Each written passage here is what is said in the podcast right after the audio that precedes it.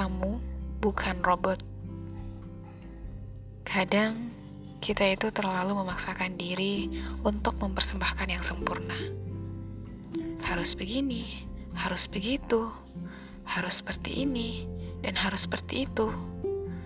Akhirnya lupa menyiapkan ruang untuk gagal. Dan saat tiba waktunya gagal, kita malah menyalahkan diri sendiri Seakan-akan diri tak punya kesempatan untuk gagal. Seakan-akan diri tak pernah berbuat apa-apa. Padahal sudah dipacu keras sekali, bahkan di luar kendali.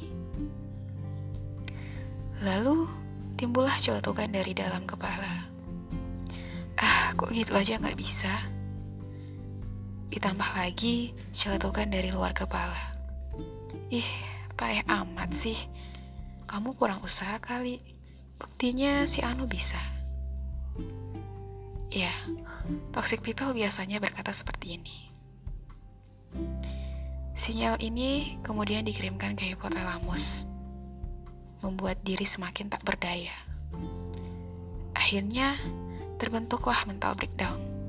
Semakin depresi, semakin menekan diri bahwa kamu bodoh dan kamu tak bisa apa-apa. Sungguh, ini miris sekali. Kadang, atau bahkan mungkin sering, kita seketerlaluan itu pada diri sendiri.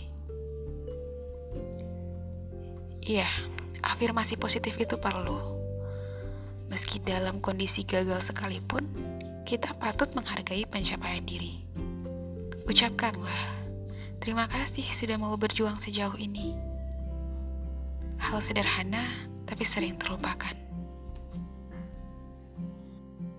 Memang benar, menerima diri dalam situasi kegagalan nyatanya tak semudah itu.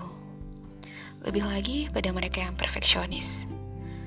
Memang butuh waktu untuk menerima kegagalan dan kesalahannya. Tak mengapa, asal diri mau terus mencoba untuk memeluk diri sendiri dalam situasi apa pun. I love myself.